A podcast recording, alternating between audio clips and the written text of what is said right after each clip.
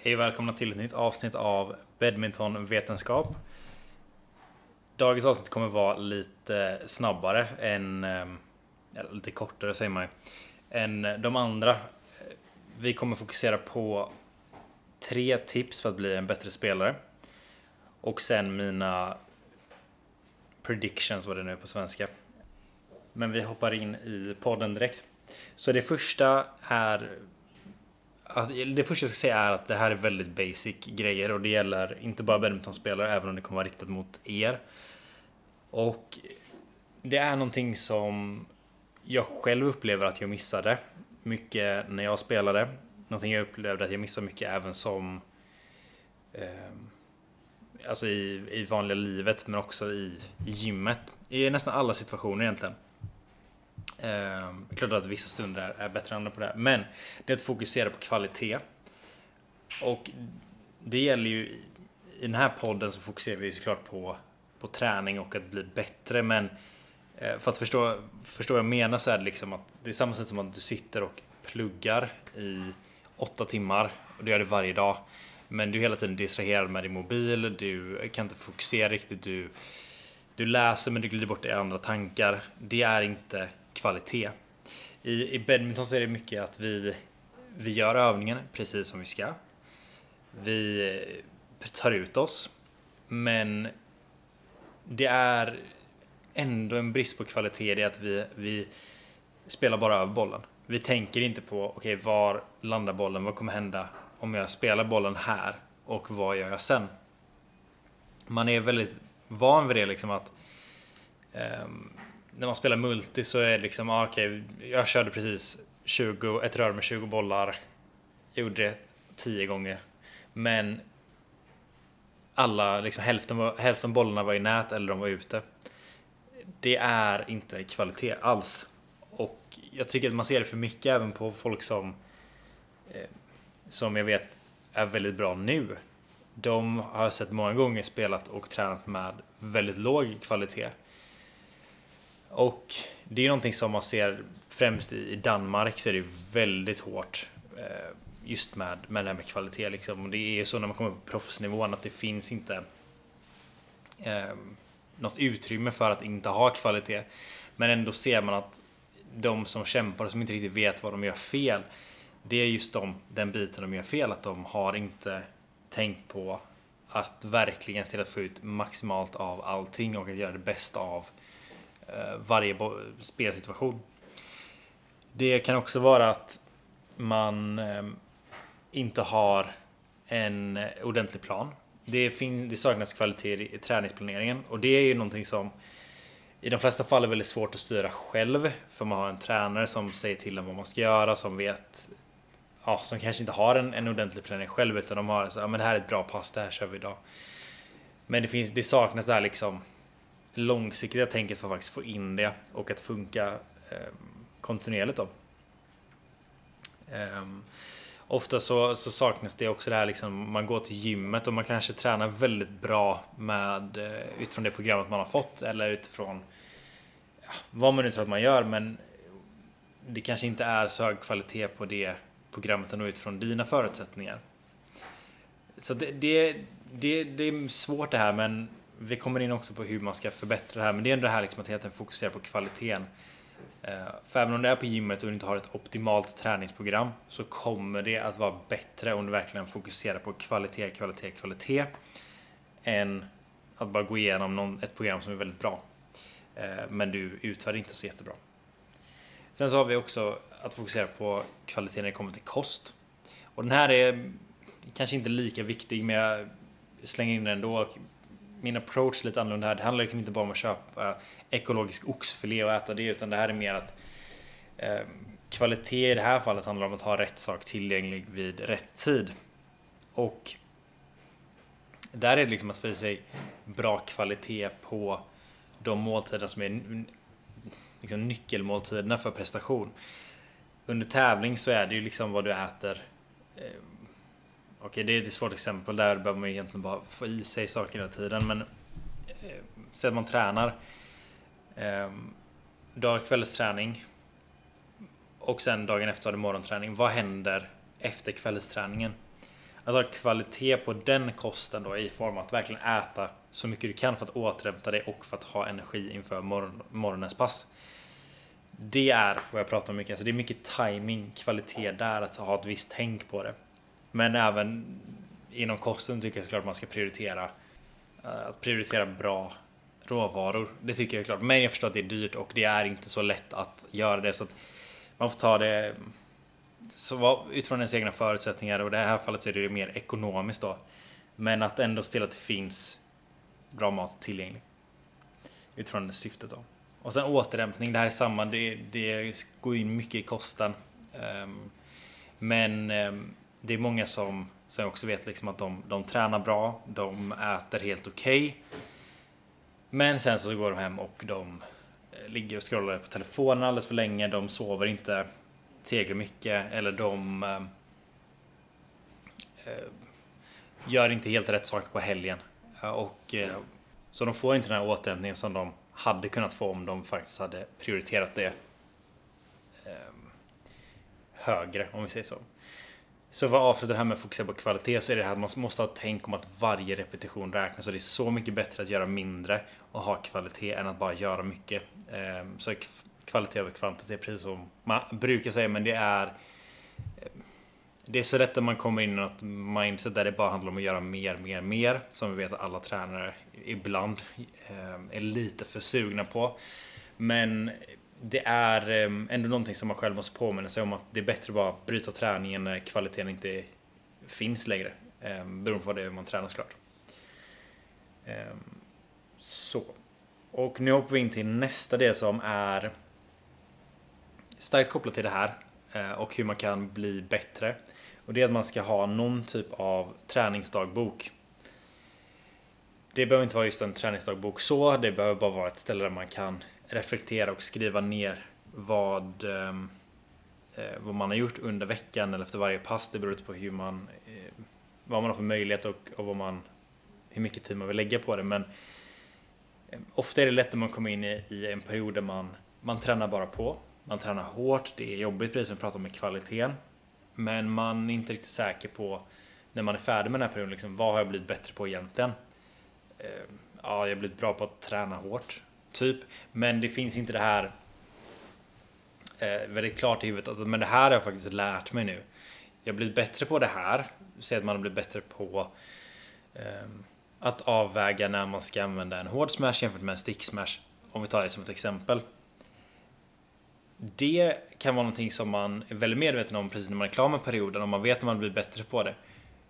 Men man glömmer av det. Eh, man kommer in i en annan period, man kommer in i en period kanske med eh, eh där man är lite, man, man spelar lite sämre, eller liksom det är mycket fokus eh, på andra bitar och man glömmer av vad man har lärt från den tidigare perioden. Det är också en sån sak, liksom din karriär är lång. Du behöver sitta och reflektera över vad du lär dig Um, för annars, har liksom, annars går du bara igenom saker. Du går igenom rörelsen, du går igenom momenten men du har, du har inte reflekterat över hur du ehm, vad du har lärt dig för din del. Eh, och det är samma sak med ehm, ehm, som jag upplever många missar när det kommer till eh, inte bara träningar utan också tävlingar. Man, man säger att ah, jag förlorade för att jag spelade skit. Inte att jag förlorade för att jag spelade skit för att jag gjorde det här misstaget. Och sen vad har jag lärt mig det? Och det kan ju vara att man man eh, man var för långsam. Man ehm, eh, man missade för mycket. Men man, man gör inte den analysen som, som fortsätter då att man Okej, okay, varför missade jag mycket? Jo, jag missade mycket för att jag inte kom bakom bollen så bra som, som jag gjorde. Um, och sen, okej, okay, men hur löser det? Jo, men jag får ju träna upp min snabbhet, jag får träna fotarbete. Um, man missar de här leden. Eh, det kan också vara att ja, men jag kom inte bakom bollen för jag var inte tillräckligt snabb för att jag var för trött för att jag spelat många matcher tidigare eller för att det har varit lång bollduell precis innan. Börjar man bryta ner och fundera på vad det är som händer. Eh, på samma sätt som om man vinner, vad gjorde man bra? Varför vann man matchen? Och då ska det inte vara för att jag var bättre, utan varför vann du matchen? Och vara väldigt ärlig med sig själv. Efter ett tag så kommer man bli väldigt bra på det här utan att vara tvungen att skriva ner allting själv. Man kommer bara kunna säga att ah, just, okay, men det här är därför jag förlorade, det här vad jag behöver träna på. Ehm, det här gjorde jag bra. Man kommer kunna använda den här kunskapen och man kommer kunna reflektera helt annorlunda över sin eh, situation helt enkelt. Eh, men jag tycker just det här att göra det lite efter varje träning, att sätta sig och bara svara på eh, det behöver inte vara en jättelång analys av, av träning, men om man utgår från det här, liksom, om varje träningspass hade haft den här kvaliteten som idag, kommer jag vara bättre om tre månader än vad jag är idag? Och om svaret är nej så bör man verkligen fundera på varför. Och man bör också fundera på vad kan jag kontrollera i den här situationen? Var det, var det att upplägget var dåligt? Eller var det att jag var dålig? Ehm, att fundera, liksom vara väldigt, väldigt självmedveten om vad det är som händer. Det är det jag försöker få fram här. Så alltså tips nummer två, ha en träningsdagbok. Och nummer tre, hitta rätt personer som kan hjälpa dig och våga fråga om hjälp. Det är ofta som man går runt och tänker att ja, men tränaren vet vad jag behöver, vad jag behöver förbättra eller, eller man bara förlitar sig så, så blint på det eller att man inte ens tänker på vad man behöver hjälp med. Ehm, eller tror att det räcker med det som tränaren säger. Och när det kommer till badminton så, så finns det många vägar att gå. Nu har man ju lite andra möjligheter än, än eh, för några, några år sedan. Jag tror man kan eh, till exempel Clutch App i någon AI generell grej som jag vet inte exakt hur bra den funkar. Eh, jag har inte sett liksom hur man använder den i praktiken så mycket. Jag vet bara att den, den har en del bra grejer för att analysera ens matcher. Men där handlar det liksom om att fråga de man spelar med, de man spelar mot, eh, ens tränare, andra tränare eh, hitta Kanske ta ett pass med en privat tränare som Som eh, Som du inte har tränat med innan, som inte vet vem du är. Så att man kan få lite objektiva synpunkter på, på vad är det som händer, liksom, hur, hur är spelet. Om man, som, och det här är också något som, som jag vet att många har svårt med och det här gäller åt båda håll nu, Det kan vara att man, när, när vi pratar om kost, kosten är ju det som kommer avgöra liksom hur, hur, hur vår kroppsbyggnad ser ut. Eh, I många fall så handlar det då liksom att vissa kommer vara tvungna att gå upp i vikt, vissa behöver gå ner i vikt. Eh, mer vanligt att man behöver gå ner i vikt än upp i vikt, men att inte bara börja liksom gå på såna här idiotgrejer som man kan säga, liksom inte gå på någon bodybuilding-diet som jag gjorde. För där liksom, ja visst du kommer gå ner i vikt men du kommer äta mycket protein, det kommer inte ge dig någon energi, du kommer vara trött, du kommer vara långsam, du kommer inte må så bra, du kommer du kommer liksom förstöra mer än vad du, du skälper mer än vad det hjälper helt enkelt om man hoppar på en sån diet som inte är gjord för dig eller för sport. Utan det handlar ju om att hitta någon som kan hjälpa ändå med att sätta upp en, en kost som funkar för dig och som är anpassad, inte för någon som vill få magrutor och liksom se ut som en bodybuilder eller bara som vill bli starkare utan vad kommer funka för dig då om, om ditt mål är att bli bättre på badminton? Du behöver gå ner i vikt för att bli bättre på badminton. Eller du behöver gå upp i vikt för att bli bättre på badminton. Att hitta någon som kan hjälpa dig på rätt väg. Eh, och se till att verkligen ha ta hänsyn till att men om du visst att du behöver gå ner i vikt. Då är det kanske inte läge att göra det mitt i tävlingssäsong. Om man gör det lite aggressivt. Utan man behöver hitta en period där, okej okay, men det är mindre tävling, det är inte lika många tävlingar nu. Um, vi kan ta några dagar i veckan där vi... Okej, okay, att hitta en person då som är tillräckligt kompetent och veta att okej, okay, om du är inne i tävlingssäsong så kan vi absolut inte, vi kan inte förändra för mycket. Eh, speciellt inte neråt i vikt. Utan det är viktigt att, att se att det finns energi, bränsle för att kunna prestera på högsta nivå. Är vi i en uppbyggnadsperiod, liksom, vi snackar försäsongsträning, kanske inte helt optimalt att ta det då heller beroende på hur mycket vi förändrar vår träning. Eh, utan liksom att hitta någon som faktiskt kan hjälpa dig med rätt period när man har en månad eller så där man kan gå ner i vikt. Eh, och hur man gör det på rätt sätt. Sen så måste vi också prata om träning och eh, där har, och nu pratar jag om fysisk träning. Och då menar jag att man, man pratar med någon som faktiskt är utbildad inom området. Det, man kan absolut rådfråga eh, någon tränare. Man kan fråga någon som har bra kondition. Man, man, kan liksom, vad nu är det, man kan göra det, men nu när jag är mer, betydligt mer insatt i området och liksom jag jobbar ju som personlig tränare för er som är nya. Och eh, jag är utbildad inom idrottsvetenskap. Det är saker man lär sig där som, som handlar liksom om hur man individualiserar sig och det jag förstår hur fel det är inom eh, de som inte har den här, alltså någon typ av utbildning. Gäller även för de som är personliga tränare som, som har liksom bara får för sig, ja men gör man Nordic hamstring så, så håller man sig skadefri sen. Vilket eh, inte riktigt bara, det är inte riktigt så det funkar. Utan det är viktigt att hitta någon, hitta någon som faktiskt kan hjälpa dig med det du behöver hjälp med. Och eh, se till att man verkligen kan få någon då som behöver förbättra din spänst. Okej, okay. finns det någon i området där du bor som, som jobbar som personlig tränare eller som har någon typ av eh, ja, men någon lite mer spetskompetens just med de bitarna. Då kan man ta snacket där. Men liksom, gå inte till någon som, som inte har någon utbildning, även försöker säga är, utan att eh, hitta någon som kan hjälpa dig med dina mål på ett väldigt säkert sätt och på ett bra sätt. Och sen mentalt, det är ofta är det svårt att hitta liksom mentala coacher och mental, alltså idrottspsykologer. Men eh, liksom försök läsa på mycket om området själv. Eh, och sen hitta någon som kan liksom ta den sista biten då. Ehm, men som sagt, leta upp rätt personer och liksom, har man inte råd med en personlig tränare eller med en idrottspsykolog så är mitt enda tips att eh, om du verkligen vill satsa på badminton, skaffa ett extrajobb och investera i dig själv. Men nu var det de tre tipsen då, så det är alltså att fokusera på kvalitet, ha en träningsdagbok där du kan reflektera över din träning och eh, hela din karriär. Och hitta rätt personer som kan hjälpa dig och våga fråga om hjälp. Var inte rädd för att någon är såhär, hur vet inte det här? Fråga. Allt är bättre att fråga. Och för att komma in i det sista som är väldigt, väldigt kortfattat här. Vilket tror jag vinner VM? Och nu är det ju väldigt sent, det här är ju på torsdagen den 24. Och eh, generellt sett så kanske man brukar dra sina gissningar innan eh, tävlingen har börjat.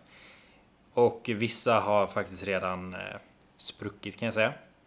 Men jag tror att finalen i herrsingel kommer vara Axelsen mot Antonsen, där Axelsen vinner. Jag tror vi kommer se damsingen Anse Jung vinna mot Akane Yamaguchi. Även om jag gärna hade sett Tai Ying komma långt i, i damsingel. När det kommer till herrdubbel så där, här är jag väldigt förvirrad ska jag säga. Jag eh, gissade på två par i final där de, ena, de ena är Li och Wang, de som vann OS då. Men också Eh, det indiska paret Chetty och Ranki Reddy tror, tror jag kommer vara i final. Dock efter att jag såg prestationen från eh, idag där Astrup och Rasmussen vann väldigt övertygande mot eh, det väldigt duktiga paret Ong och Tio från Malaysia så är jag inte lika säker längre på, på just den matchen. Hade ju helst sett danskan i final såklart, men det är där jag är. Jag skulle också säga att jag tror att det kommer vara ett eh, kinesiskt par i final nu när eh, Li Wang har förlorat. Så att eh, ja, jag får väl lämna det där för jag har ingen koll. Sen tror jag att sidningen står sig i eh, damdubben. Jag tror att Chen och eh, Ja från eh, Kina vinner.